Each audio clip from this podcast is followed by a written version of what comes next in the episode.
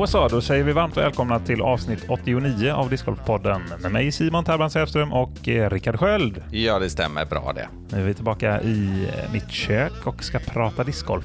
Så är det, och eh, med en gäst idag. Mm, det ska bli kul. Eh, och inte kanske direkt en discgolfare. Nej, eh, lite oklart faktiskt, om man har någon särskild koppling till discgolfen överhuvudtaget, vilket ju är spännande i en discgolfpodd Ja. att göra så. Men eh, han eh, känner till sporten och det, det får vi väl nöja oss med. ja, exakt. Ehm, vi ska prata om uh, idrottspsykologi kan vi kalla det för. Ja, och det här är ju ett avsnitt och en typ av gäst som vi har velat ha med väldigt länge.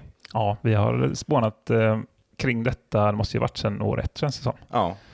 Ja, egentligen, förmodligen innan vi startade skulle jag gissa Mm. att det var med på listorna. Sådär. Det är en sån intressant eh, vinkel liksom. Ja, och eh, vi tror ju, utan att ha pratat med den här personen förut, att vi har hittat en väldigt lämplig eh, idrottspsykolog. Mm. Och eh, vi tänker att personen i fråga ska få introducera sig själv här om en liten, liten stund. Um, om ni undrar varför vi håller det på halster. Men eh, nej, det ska bli roligt att dyka in i det samtalet och eh, som sagt, det känns ju som en eh, discgolfen är en sån sport där det är, eh, den är så pass ung så att det här är nog inte särskilt allmänt implementerat, men att det definitivt är en sport som eh, det hade kunnat vara högst relevant. Verkligen. Och vi kanske kan lämna det där egentligen och så tar vi resten med, eh, med personen i fråga. Ja, men jag tycker det. Vi ringer upp. Det gör vi och ni hänger med. Mm. Då säger vi hej till Kristoff Trejer. Eh, vi kallade dig för idrottspsykolog innan, men är det så att det är eh, mental rådgivare som är mer korrekt? Ja, en idrottspsykologisk rådgivare heter den nog riktigt. Så. Ja. Ja. Ja, men något, något åt det. Då var vi inte helt fel ute i alla fall. Men då, Nej, nej, nej, nej. nej. vi, vi känner ju inte dig heller, så du får gärna berätta lite om dig själv. Vem är du, var finns du och vad gör du? Jo, jag, jag kommer ursprungligen från, från Schweiz, eh, bor nu i Finland, flyttade när jag var 28, för 30 år sedan så flyttade jag till Åland. Jobbade där just som, som mental, mentaltränare, jag jobbar egentligen sedan 30 år. Jag var en av de första mentaltränare som fanns. Då måste man alltid förklara vad, vad är en mentaltränare. Det, det är många som trodde man jobbar på något mental sjukhus, så det var inte lika känt som, som idag. Så själv, själv har jag varit aktiv inom slalom, inte för jag kommer som sagt från Schweiz, växte upp i Alperna, eh, tävlade i slalom och sen efteråt så specialiserade jag mig på psykologi och idrott. Super- Superintressant ju. Ehm, Och hur kommer det sig att du hamnade på Åland då? Eh, det var då via flickvännen som, som, som eh, gick i skolan på Åland, eller på utbildning i, på, Åland. Så var det egentligen meningen att jag skulle flytta för ett år till, till Åland, men sen trivdes jag så otroligt bra där så det blir det sen betydligt fler år. Men sen eh, blir det genom att jag reser väldigt mycket med mitt, på grund av mitt jobb så, så blir det mer praktiskt att bo på fastlandet och inte på en ö. För Det, det var många gånger som det var inställda båtar på grund av storm eller så var det något flyg som inte for. Så det var nog svårt att hålla de här tidsplanerna alltid när man inte riktigt visste. Slipper man iväg och kommer man hem igen. Så. Mm. Ja, ja, ja. Vad, vad har du för eh, koppling till eh, discgolfen då? Eller vad är din relation till discgolfen, skulle du säga? Eh, den är på det sättet jag har själv en, en discgolfspelare som, som jag hjälper med, med, med den här mentala, mentala biten. Och sen eh, sp- både, både barn spelar, alltså inte tävlar men spelar och, och på den vägen. Så, och sen själv också då och då på skoj bara. Alltså, kan inte kalla mig för en spelare men lite som slänger den. Ja, precis. Mera slänga än kasta. Ja, men det, det viktiga här för våra, för våra syftens skull är ju just att du, att du vet vad, ungefär sporten går till eller hur, vad som kan vara utmaningarna och sådär. Men vad skulle du säga? Jo, jo, jo. Ja. det har jag nog klart för mig. Kan man säga att eh, discgolfen som sport har någon, en, en sorts mental profil? Alltså skiljer det sig mellan olika sporter vad, vad utmaningen är? Ja, jag skulle säga genom att jag har många idrotter i olika idrottsgrenar, men jag tycker nog den här discgolf är en av de mest mentala sporter som överhuvudtaget finns. Kanske nog golf, golf kommer nära också, men, men nu är det nog den där discgolf som kräver mentalt så oerhört, Mm. oerhört mycket. Skönt att höra. Ja, det, vi, vi instämmer i den eh, analysen. Men vad, mm, vad, vad är- vad är det, vilka utmaningar är det det handlar om? Om man börjar med problemen, vilka, vilka utmaningar är det då? jag tror just det, det att, att hantera sina, sina känslor. Jag märker själv som sagt, jag tävlar inte och det gäller ju ingenting, men man kan ju bli fly förbannad när det inte går som man vill. Och sen tvärtom så blir man helt high när, när det går förvånansvärt bra, så, att, så, så, så tappar man sin koncentration för följande. Så det, den är up, up and down med, med, med, med känslor tycker jag, det är den stora, stora utmaningen. Mm. Ja, men när du säger att, att det är en av de mest utmanande sporterna mentalt. Jag tänker att mm, ofta så pratar vi spelare om att eh, det hade varit skönare med här snabbt utförd eh, sport där man inte behöver tänka. Alltså om man spelar innebandy till exempel, då, som du också har erfarenhet av eh, från den sporten. Att, eh, att man, man får tänka för mycket. Det är för långa pauser mellan kasten och man hinner ja, psykologisera för mycket. Exakt.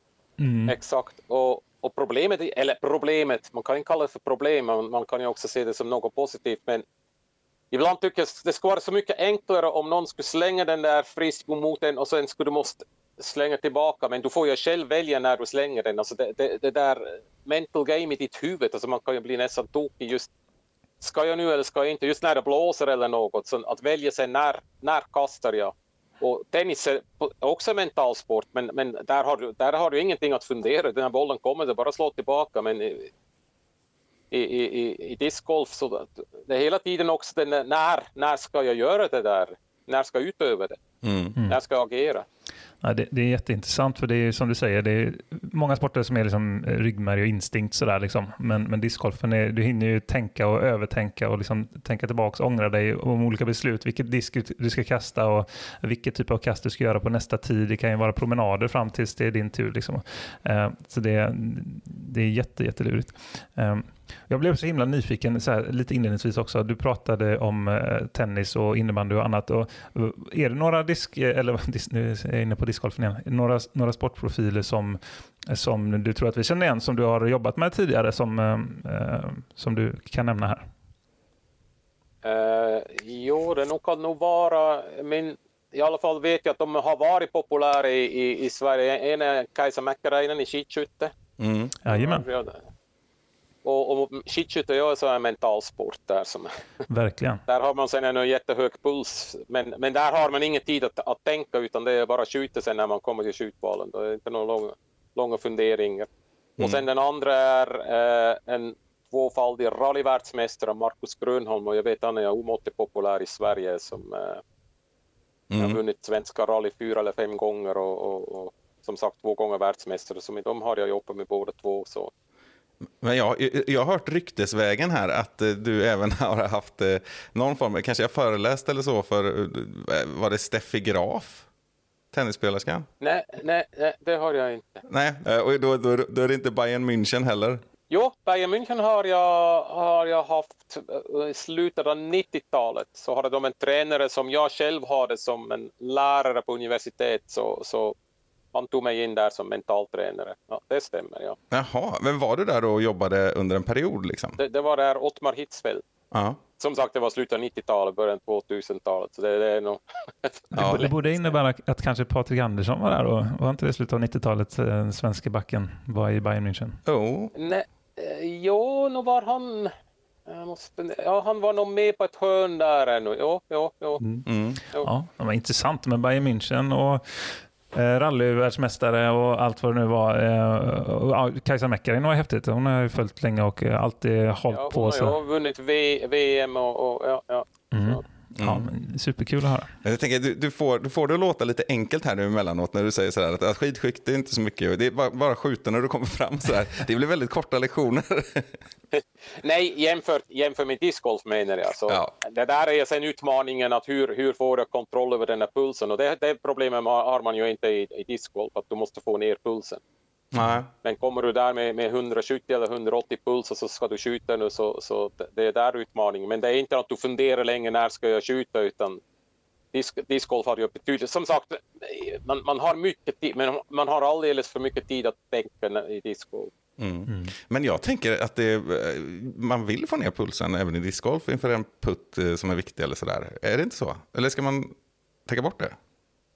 Nej, men, men du kom, alltså då är ju något fel om du kommer där med, med 180 puls. Då, då, då har du ju något.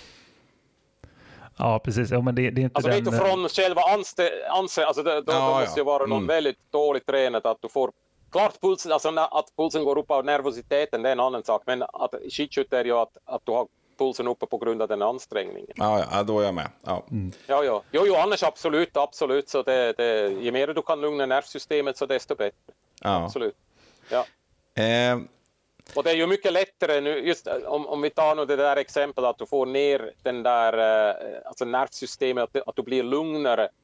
Så, så då ska du se till att du kan reglera det med andningen.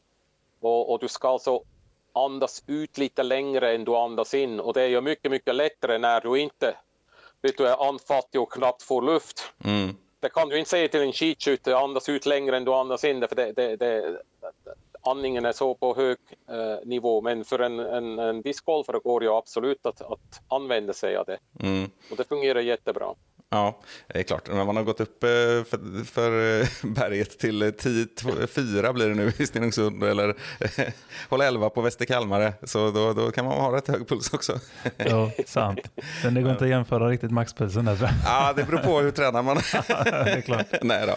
Nej. Men vilka är, vad, finns det, finns det några sådana här typiska liksom generella mentala utmaningar och, och generella nycklar till liksom, hur man löser sådana problem inom sport? Ja, alltså nycklar och lösningar finns ju för, för allt. Så, alltså en, en utmaning nu i discgolf och, och alla sådana mentala sporter är att ha, hur hanterar jag den där pressen som, som förr eller senare kommer när man vet att nu, nu, nu gäller det verkligen, nu, nu är det bara att, att lyckas. och då kommer in nervositet och då kommer delvis in stress och, och det känner ju alla så det, det behöver man inte ens spela på allt för hög nivå att man känner det ibland. Men just där är egentligen enklare för de som spelar riktigt på toppnivå. Blir de nervösa, känner de stress och press så kan man svänga det eh, till något positivt genom att man tänker, tänk nu hur, hur många, men det finns tiotusentals discgolfspelare nu. Och hur många tusen som gärna skulle byta med mig nu och vara i den där situationen som jag är nu. Att jag nu har det i mina händer om, om, om jag kan vinna den här tävlingen eller om jag kan göra en topp, topplacering. Så att man svänger det där, att man under stor stress och press, att man tänker, tänk det finns tusentals som, som är egentligen avundsjuk på den där situationen. De skulle ge vad som helst att de skulle kunna vara nu här istället för mig. Och, jag, och jag kan inte ens njuta det för jag är så nervös och, och så stressad. Och, och det ger en helt annan perspektiv och, och det har faktiskt en väldigt, väldigt bra, bra påverkan på hur, hur man agerar sen när man börjar se, okej, men jag, jag är en riktigt privilegierad situation. Ofta när man är nervös och stressad så tycker man lite synd om sig själv, tycker att det är jobbigt, jag skulle vilja vara lugn. Men sen svänger man det helt enkelt. Tänk vad många som skulle vilja vara i den där privilegierade situationen. Och, och alternativet är ju alltid att tänk om jag skulle vara i situationen att det inte spelar någon roll mer vad, vad jag presterar. Det är ändå gått åt, åt skogen alltihopa redan. Så, så då har du ingen press och ingen stress, men, men inte vill du byta med det heller. Ja, det är njuta av, av situationen och uppskatta den. Då. Men, men vad man tänker så här, om man, är, om man är orolig för att det misslyckas och att man, folk ser när man misslyckas. Det, det tror jag är väldigt vanligt. Det är inte bara jag själv som känner igen det kanske. Ja, och där, där är just när man är rädd vad- att folk ser att jag miss, misslyckas.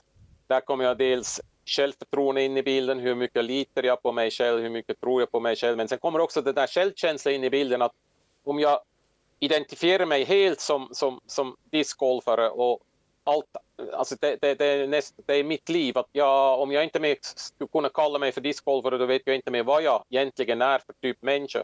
Så då blir ju enormt viktigt, alltså då, då blir ju existentiell nästan att jag lyckas och då sätter man ju alldeles för stor press på sig. Och därför, när jag jobbar med idrottare jag har alltid en, en viktig sak i början att, att man eh, skapar sig en identitet. Jag, jag har en identitet som människa och där är discgolf eller vilken idrott det nu är, det är bara en, en, en äh, trevlig och viktig bisak, men det är inte jag. Det, det kommer ju den dagen som jag inte spelar discgolf mer och då måste jag ha en identitet.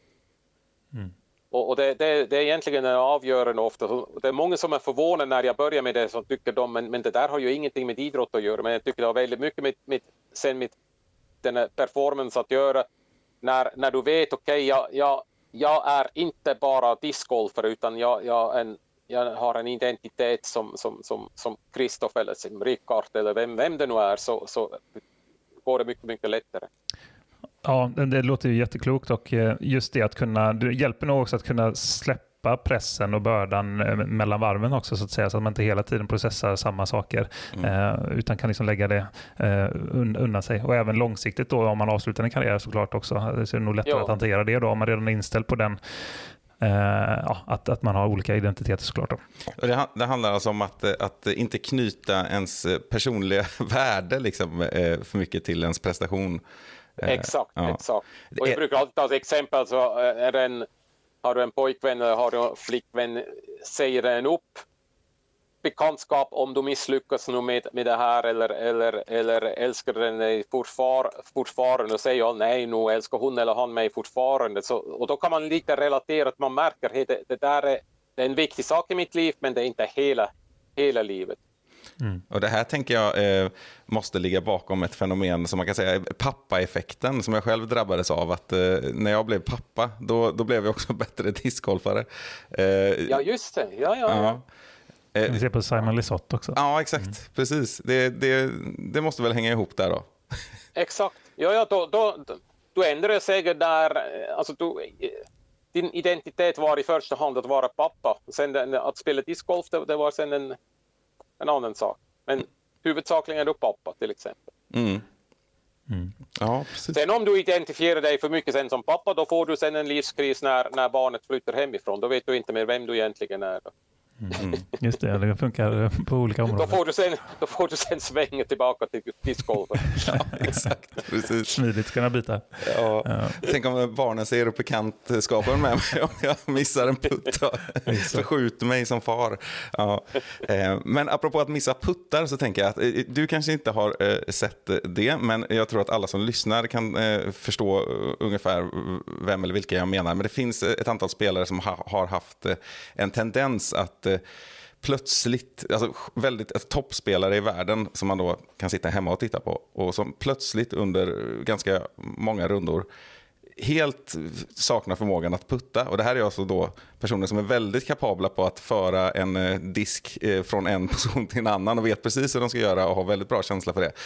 det är som att de tappar hela den kunskapen från väldigt nära håll. Eh, jag tänker, vad, vad skulle du, vart skulle du gå in och göra om du fick hjälpa en sån person, om det var ditt uppdrag?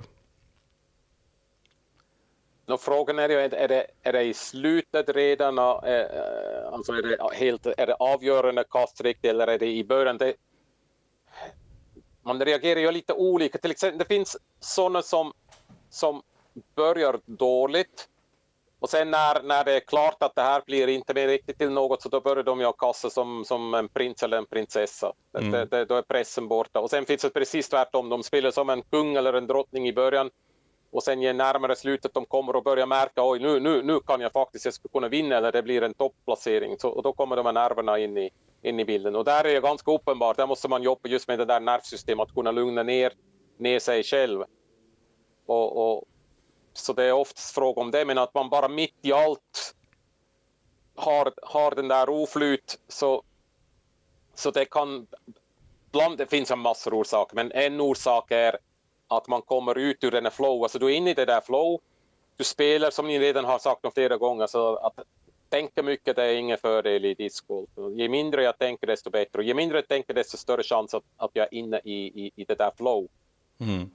Men eh, kommer jag sen ut ur den här flow så, så det är där som det, som, som det kan gå riktigt, riktigt fel. Och att komma ut ur den här flow, det där är en ganska sån här ful grej egentligen, men eh, man, man kan nog få en, en spelare ur det där flowet ganska lätt med, med en sån eh, ja, alltså en, en raffiness att en spelare inte ens märker vad man håller på med. Om jag säger något till, till dig, Rickard, till exempel, när vi spelar tillsammans och jag märker herregud vad du spelar bra, jag har inte en chans mot dig, så kan jag till exempel på ett mycket snällt sätt kan jag bara så, ge som en kommentar till dig, alltså, oj, vad, du spelar bra, du spelar bra idag, men jag har märkt att att där med, med, med, med vänster, vänster armbåge du, du gör lite annorlunda än, än, än vanligt. Och då, då kastar du med höger, alltså du spelar inte ens med vänster arm. Och, och, men jag märker att den armbågen har en annan position. Är det någon meningen eller, eller, eller råkar det sig bara? Och, och då, om du nu vill eller inte vid, vid de här följande kast så, så tänker du på den här vänstra armbågen och då har jag förstört ditt flow. Då, då, då är det kört. Alltså det, och, då, och då blir jag bara glad. Oj, Kristoff berömmer mig. Ja, jag spelar bra. Och, men, men intressant vad han, att han, vad han säger om den armbågen. Men jag inte har jag märkt något. Men du får börja fundera och då är du ute ur den där flow. Alltså det, det finns mycket sådana psykmetoder. Ja, vad, vad är motsvarigheten till, för att göra någon bättre då? Finns det något sånt, där, något sånt lite fulknep som du kan köra? Ja, för att få någon att fokusera riktigt? Göra någon, nej, då är det ju nog riktigt alltså ett, ett äkta, äkta beröm, men inte äh, hämta den ur flow, bara att jag är så imponerad över ditt spel, men inte nämna något tekniskt. För så mm. fort du börjar nämna något tekniskt så, så börjar den andra fundera. Mm. Och då är det kört, alltså då, då hämtar du någon ur den där flow. Ja, det är intressant. Det där känner jag och det där är viktigt också när man vill coacha någon, när man inte säger det, det, det, det går, nu kan jag för lite om den här discgolf, men det kan ni bättre, just speciella saker som man äh, ska lägga märke på, den här tekniska biten, vet du, att fotpositionen eller vad det nu är, att det, det är riktigt bra. Säg, säg aldrig sådana saker. saker, då, då börjar man, om man vill eller inte, så börjar man lägga märke på det och då är flowet redan borta, då går det inte mer automatiskt. Mm. Jag, jag, har ju många gånger i den här podden eh, outat mig som lite speciellt i just mina metoder också. Eh, nej, men, eh, men en sak är sådär, eh, som kanske går ihop med detta. Men när jag känner att det, någonting är off, om vi säger så, rent tekniskt under en runda, då kan jag välja att fokusera på en sak som jag ska se till att göra riktigt bra. Alltså att nu ska jag vara bra i tajmingen med foten eller något sånt där.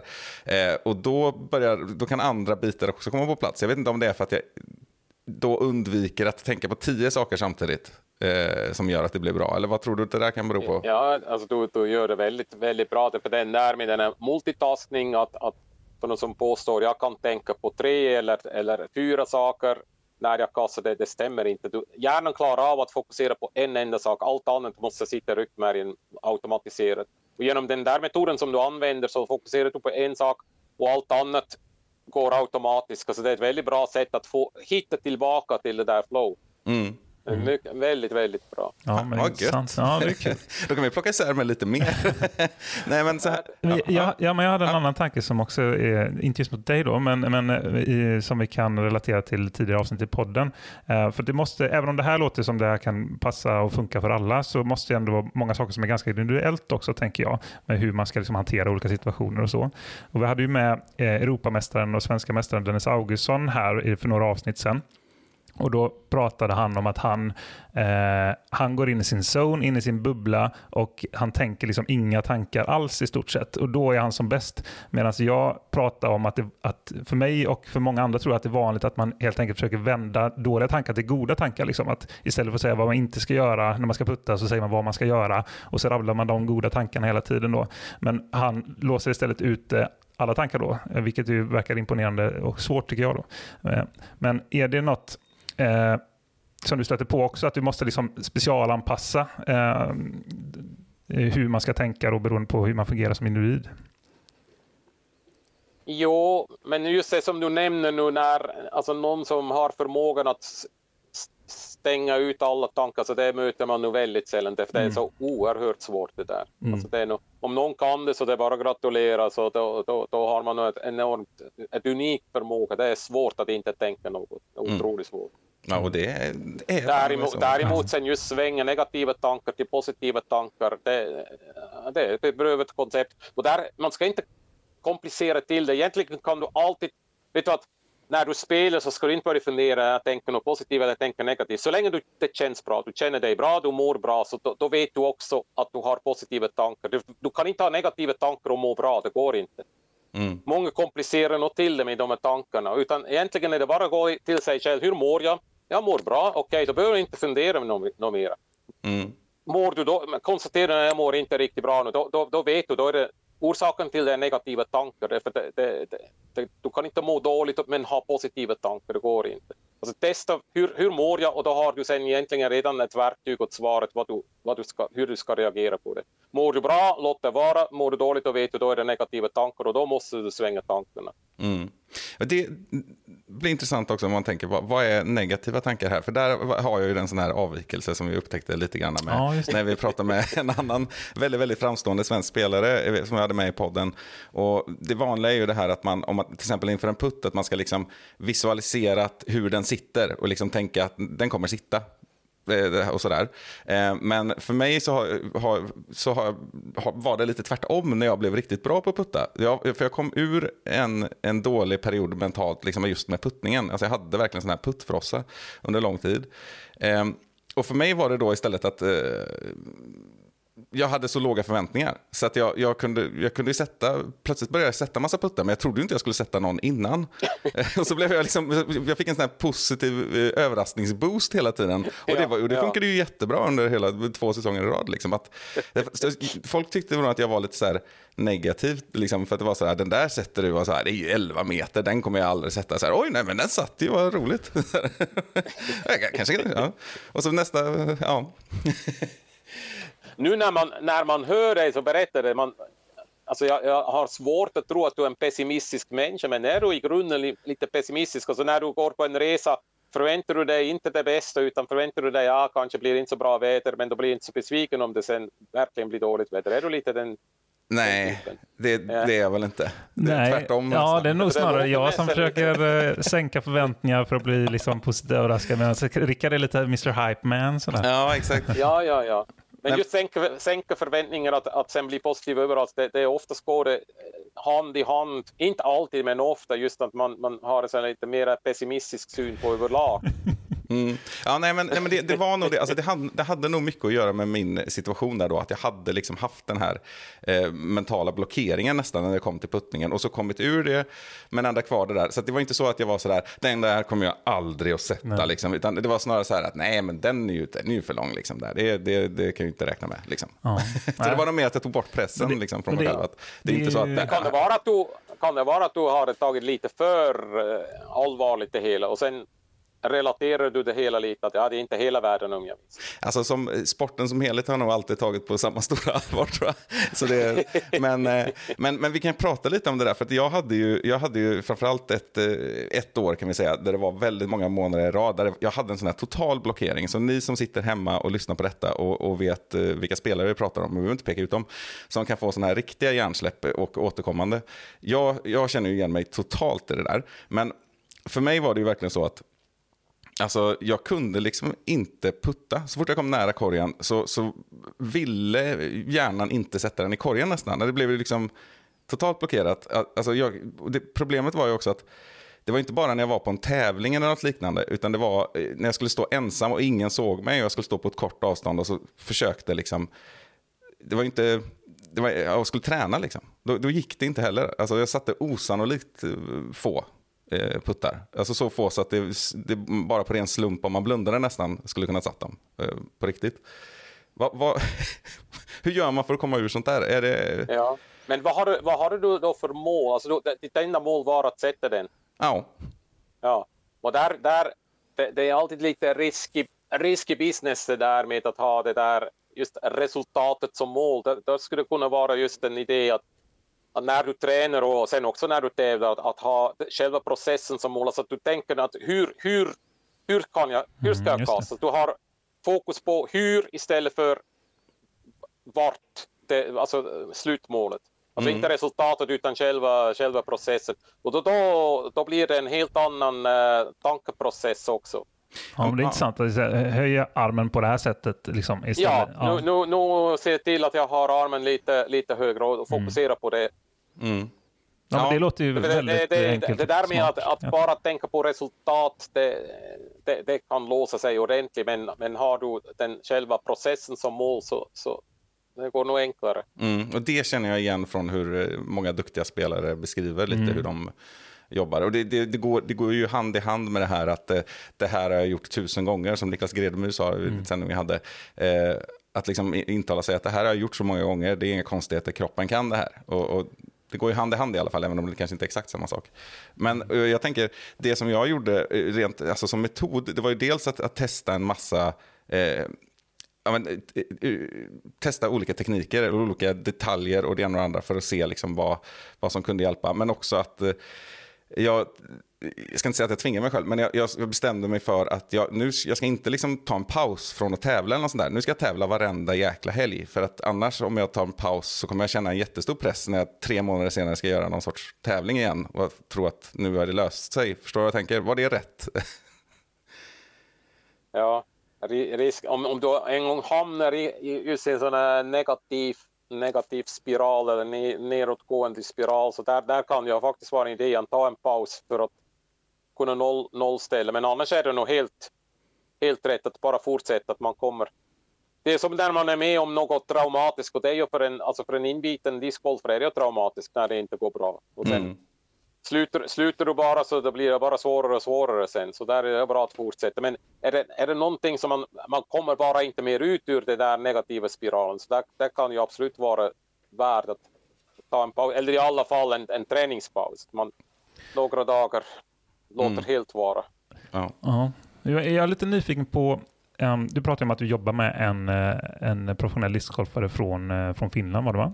Mm hur, hur funkar er eh, kontakt? Så att säga? För det, det här är ganska ovanligt i, i den här sporten. Inte för att det inte behovet finns, utan det har vi klarlagt att det känns verkligen som en sport som, där det här är högt, högst relevant. Men att den är så pass ung och, det, och liksom det är så pass mycket som är nytt i sporten. Det här har inte hunnit implementeras.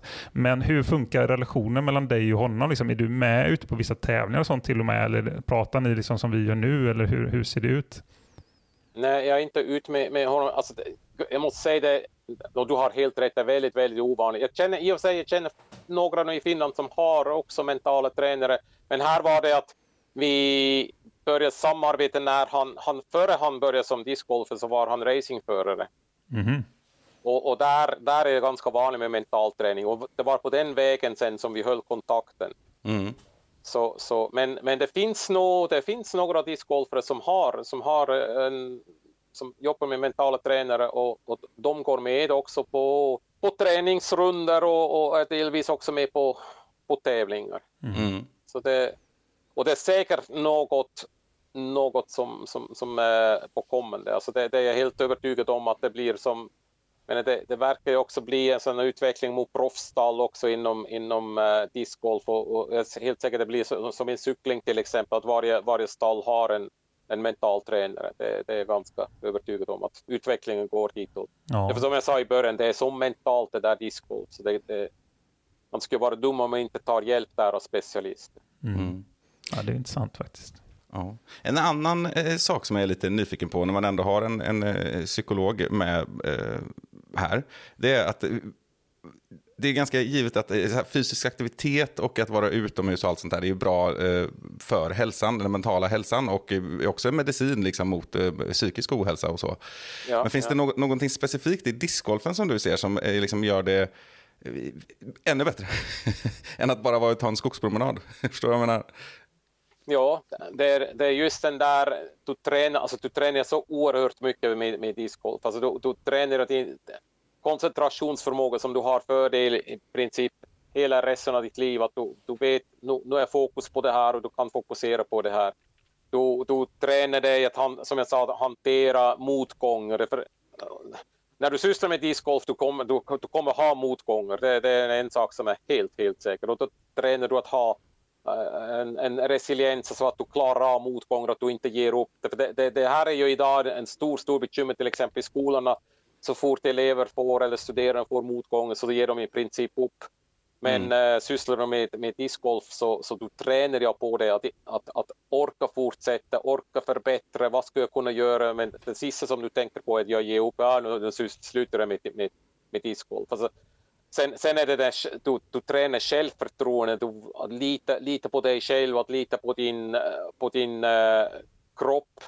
Uh, du, du, du, lär dig att hantera nervositet. Alltså det finns så mycket positiva effekter av discgolf. Alltså, det skulle vara så lätt som helst att göra en reklamfilm för, för skolor att, att de ska börja spela discgolf. För det, mycket som, som man tror idag man kan lära sig i ett klassrum skulle du kunna lära på ett mycket lekfullt sätt uh, på en discgolfbana.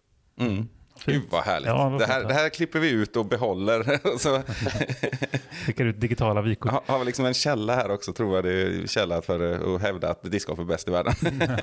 Precis. Ja. Ja, vad härligt. Ehm, jag tänkte på en sak. Det, det, är, ehm, det ryktas om en ganska spännande historia kopplat till, eh, Ja. eh, till eh, dig, Kristoff, och eh, eh, idrottspsykologi, Åland och innebandy. Kan det vara så att det är komponenterna? Ja, du får gärna berätta den anekdoten som jag har hört från en annan källa. Om, eh, en, Ja, det var, jag hörde säkert att tränaren där som, ja. ja, vi spelade högsta, högsta ligan i, i, i Finland uh, innebandy och det var ju redan en bedrift med tanke på hur lite Åland är att vi fick fram en, en, en klubb där som kunde spela på högsta nivån och så var det en, en väldigt viktig match där som vi hade och då som vi måste vinna och så, så vi gick vi in där för- en så kallad uh, eh, no, no feeling, no feeling uh, taktik. Det betyder alltså när, när vi skjuter ett mål eller när vi gör något bra, vi, vi jublar inte, vi är bara helt iskallt. Alltså vi, vi har lite sån här Björn Borg pokerface i princip. Man ser inte, man ser, alltså när vi, när vi sköt 1-0 så publiken var ju helt, de jublade och allt och, och spelarna bara helt allvarligt, de kramade inte om varandra, ingenting, inga känslor, ingen, inga, ingenting.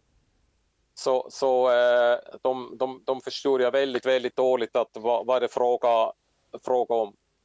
Och sen gick det inte med så bra. Den, de andra gick sen i ledningen om jag minns rätt till 3-1 Och, och, och då var det nog en och en halv minuter var det kvar av matchen. Och, och, men vi höll den här taktiken, bara iskallt.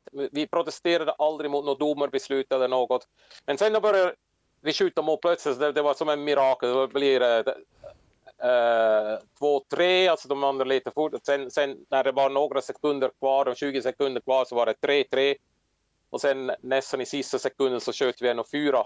4-3 och där, där brast det sen. Då, då var det ingenting med, med denna coolness där. Då, då brast det sen för oss alla. Men det var, det var en, en, en väldigt speciell upplevelse där att, att få in de här målen där i de här sista sekunderna. Så. ja. Men Förstod jag det rätt nu att det var att, ehm, att liksom spela cool och inte visa eh, känslor och så sen helt plötsligt när det väl gällde och det hände någonting att då eh, explodera då med detta för att då chocka motståndaren? Eller vad, vad var själva grundtanken? Nej, nej, idén, nej, idén var alltså det, det exploderade där för det, det gick inte mer att kunna behärska sig. Men idén var just att man håller fokus uppe och det är kanske till och med något som man kunde ta i, i discgolf också. Man håller alltså fokus uppe hela tiden. Därför, man vet inom bollidrott vet man inom idrottspsykologin är ett helt känt fenomen. Om, om, om ett lag skjuter ett mål så är chansen eller risken att, att det inom 3-4 minuter blir ett mål till för samma lag eller för motståndaren Mm. är, är upphöjt. Därför det, det, det, det skapar alltid en obalans, en Mm, mental mm. obalans. Man, de, ena är glada och de andra är ledsna eller, eller besvikna och det skapar alltid en obalans och då är risken större, att, eller inte risken utan faktum att fokus inte blir lika bra. Men om man inte gläds över det så kan man hålla det där fokus uppe. Men det är ju inte så trevligt att se för publiken därför det, det är ju, sporten lever av känslor så det, det var absolut inte publikvänligt det, det hela men det var en sån en desperat försök nu att vi kan rädda oss. Ja, Mm. Spännande.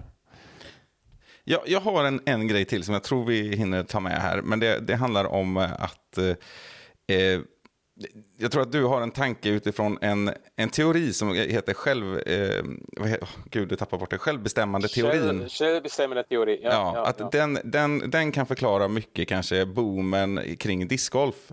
Är det så? Jag tror det, jo. jo. Därför, och då måste vi kanske börja med den vanliga motivationsteorin som går ut på att, att, att om, om, om du presterar bra så får du en belöning, så är det ju i skolan nu, får du bra vitsord och så vidare, eller på jobbet du får löneförhöjning eller ökar i hierarkin, eller klättrar i hierarkin och ett, ett sämre beteende eller sämre prestation som leder till att du eh, inte får löneförhöjning, att du stampar på plats eller i skolan att du får dåligt, dåligt vitsord. Det är den där, och det är den klassiska motivations... Behavioristisk motivation kallas det. Men den är självbestämmande teori, den går alltså ut på att vi människor, det bevisas, alltså ren äh, vetenskapligt bevis, massor med studier, att du motiveras inte att du får en belöning, det är inte det som belönar dig och du motiveras inte heller att, att du vill undvika en bestraffning utan det finns tre komponenter som motiverar. Det ena är att du får en kvitto på din eh, kompetens som du har.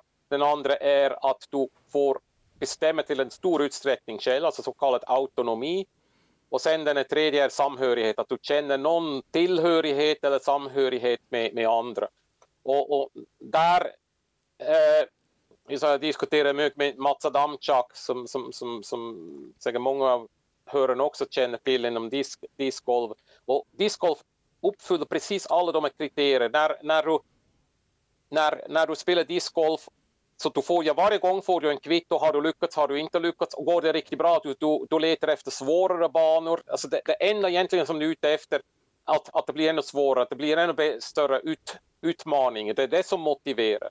Mm. Och, och, och, och sen den där autonomi, den är självbestämmande, alltså, den är inom discgolfen också givet genom att man behöver inte lyda någon tränare, man, man, man, man behöver inte vara på en viss tidpunkt eh, i, en, i en klubbträning, utan man, man, man kan träna i princip där man vill. Man behöver inte ens en tränare, som, eller man har ju sällan en tränare med överhuvudtaget.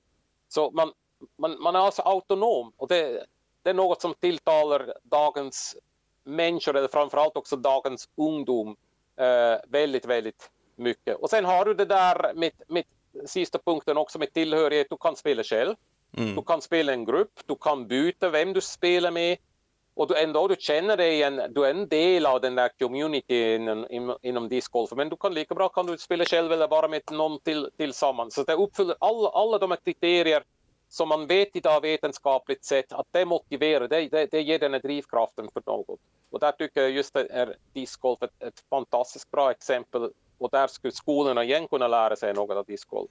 Mm. mm. Jätte, jättekul att höra för att det här är sånt som vi har pratat om ja. men inte satt ord på det på det här sättet och det gav lite kvitto på, på det lite grann. Ja exakt, det, det, det är liksom att discgolfen är, är Netflix och eh, tisdagar klockan 18 med fotbollslaget är eh, tablå-tv.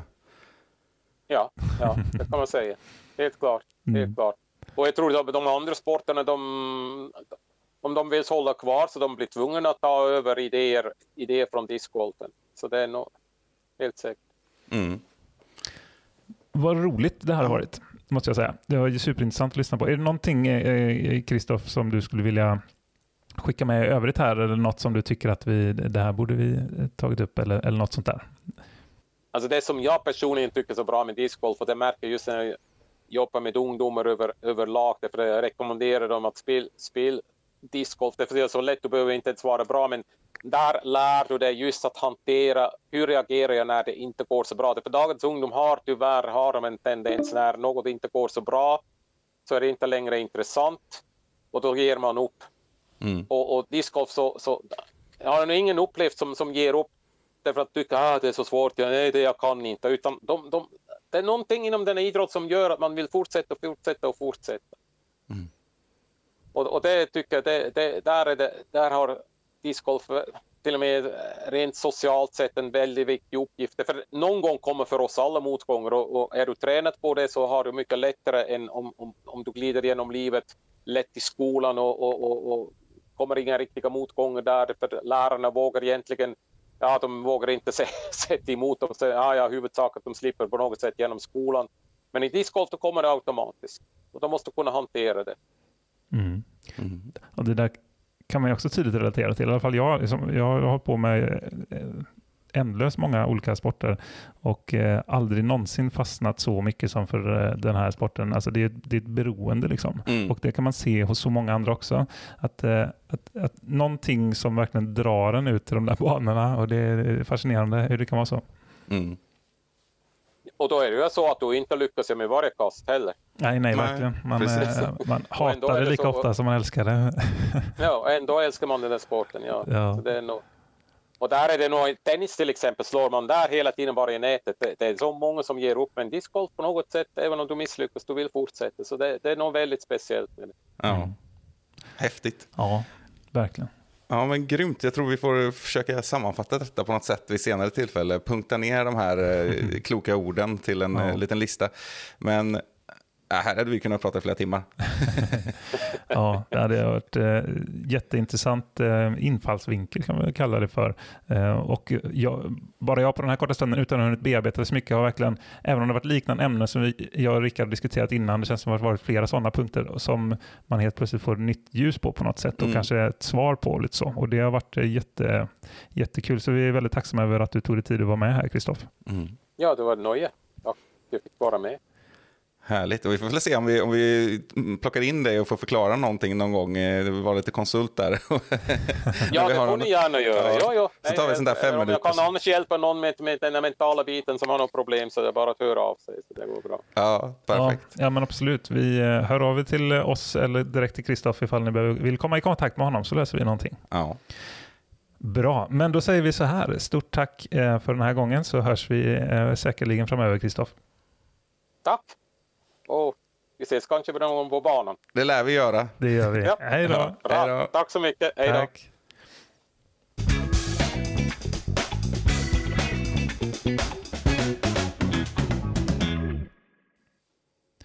Ja, nej men, som jag sammanfattade lite när Kristoff var med, det var ju verkligen en lite ögonöppnare där tyckte jag och väldigt intressant. Mm. Även om vi säkert hade kunnat ha olika ingångar och andra frågor och så vidare, så det är alltid sådär. Men eh, det, jag tyckte att det kändes jätteintressant och spännande i alla fall. Ja, och det är ju så tydligt att eh, vi är för dåliga i den här sporten på att eh, använda mental träning.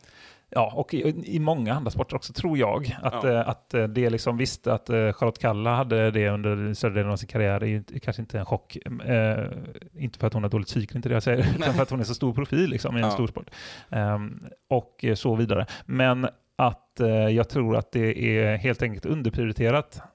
Att det är väldigt mycket tid och pengar och annat som läggs på det praktiska och det fysiska. Liksom. Mm. Um, Men det mentala är ju så extremt viktigt i väldigt många sporter och som Kristoff tryckte på flera gånger här, absolut inte minst i discgolf. Då. Mm. Och eh, något som eh, jag med han tror kommer bli en grej, men jag tror att det kommer gå jättelångsamt. Vi pratar om eh, en sport som där allt går långsamt, eh, känns det som, i Mm. många fall. Eh, och som dessutom är ung och det, det, det är mycket av det här praktiska och fysiska som ligger efter redan. Liksom. Mm. Så det känns, känns som att även om det kanske hade behövts att implementeras med det här ett tidigare skede så kommer det inte hända förrän det andra riktigt har landat, tror jag. Nej, så är det säkert.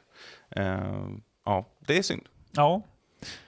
Så prove, prove us wrong, ni som, eh, ni som är ja, kanske framförallt eh, extra satsande så att Ja. säga inom sporten där ute. Ja, exakt. För, det, för oss andra och den stora merparten som kanske har det här motionsspelet, kanske det är det som är förklaringen, att discgolfen har något annat där, där man kanske också kan acceptera motgångarna. Liksom. De är så många motgångar, Ja. så man måste acceptera dem.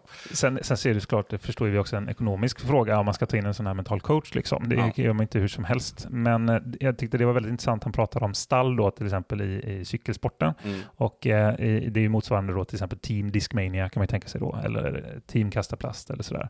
Att eh, de beslutsfattarna där, där det faktiskt också finns lite dollares, även om även den branschen nu är lite på knäna vad jag har förstått som, Mm. så, så kan det ju vara värt att satsa på detta för att ge ens eh, utövare då, eller ens eh, sponsrade spelare den bästa möjliga förutsättningen. Så det, det, det låter faktiskt som att om det ska hända någonstans så är det nog där, om man inte heter Paul Macbeth liksom, eller något sånt Mm. eh, och kan betala ganska lätt. Ja, men exakt. Och det, det får vi bespara till något annat avsnitt också, det här med de stora skillnaderna i sporten. Jag har ju funderat mycket på ekonomin och den som finns och hur det kan bli och sådär. Mm. Men det, det får nästan bli någon annan gång. Ja, det hade varit eh, intressant att ha, eh, om vi skulle lyckas få in någon typ av eh, standardiserad statistik där vi kan följa sporten själva på något sätt och Mm. kunna jämföra framåt och bakåt i tiden, eh, eller så småningom då framåt. Mm. Um, Men eh, det är frågan om liksom vilka källor vi ska använda. Nej, exakt. Och vad är, vilka är de relevanta siffrorna och sådär också. Mm. Det, är- det är som när vi har haft VM-specialer så kan man jämföra lite vad Ja. vinnaren har fått. Men det ger ju inte hela bilden och det kan vara känsligt för olika saker. eh, Mm. Andra förutsättningar liksom. Och det är som vi brukar prata om en sport med väldigt mycket mörkertal när det kommer till utövare och annat. Ja, och hemliga kontrakt och sånt också. Mm. Så eh, det är inte helt öppna löner. Nej, Men eh, vi, vi funderar på det. och så återkommer vi. en vacker dag så gräver vi eh, med den djupa journalistikspaden. Ja, exakt. Så får det bli. Mm, intressant. Eh, men eh, ja, nu har vi eh, hållit hållit på här i snart en timme Ja, och det har ju varit, eh, varit bra. Men eh, kanske att vi ska eh, blicka framåt. ja det gör vi. Vi återkommer en annan gång. Ja, men det gör vi. Och vi. Vi tackar i vanlig ordning er som har varit med eh, så här långt. Och eh, så får vi se om vi ses nästa vecka eller möjligtvis veckan på. Men eh, ses och hörs, det gör vi definitivt. Ja, det gör vi. Ta hand om er. Hej då!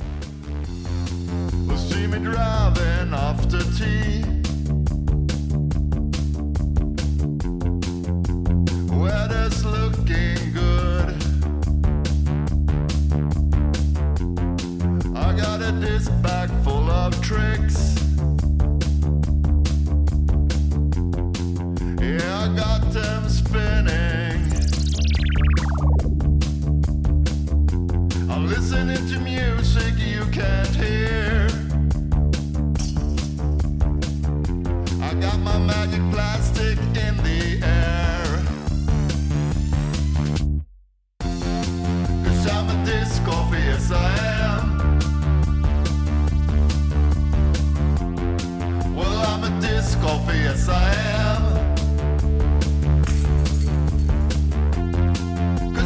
disco, but yes I am.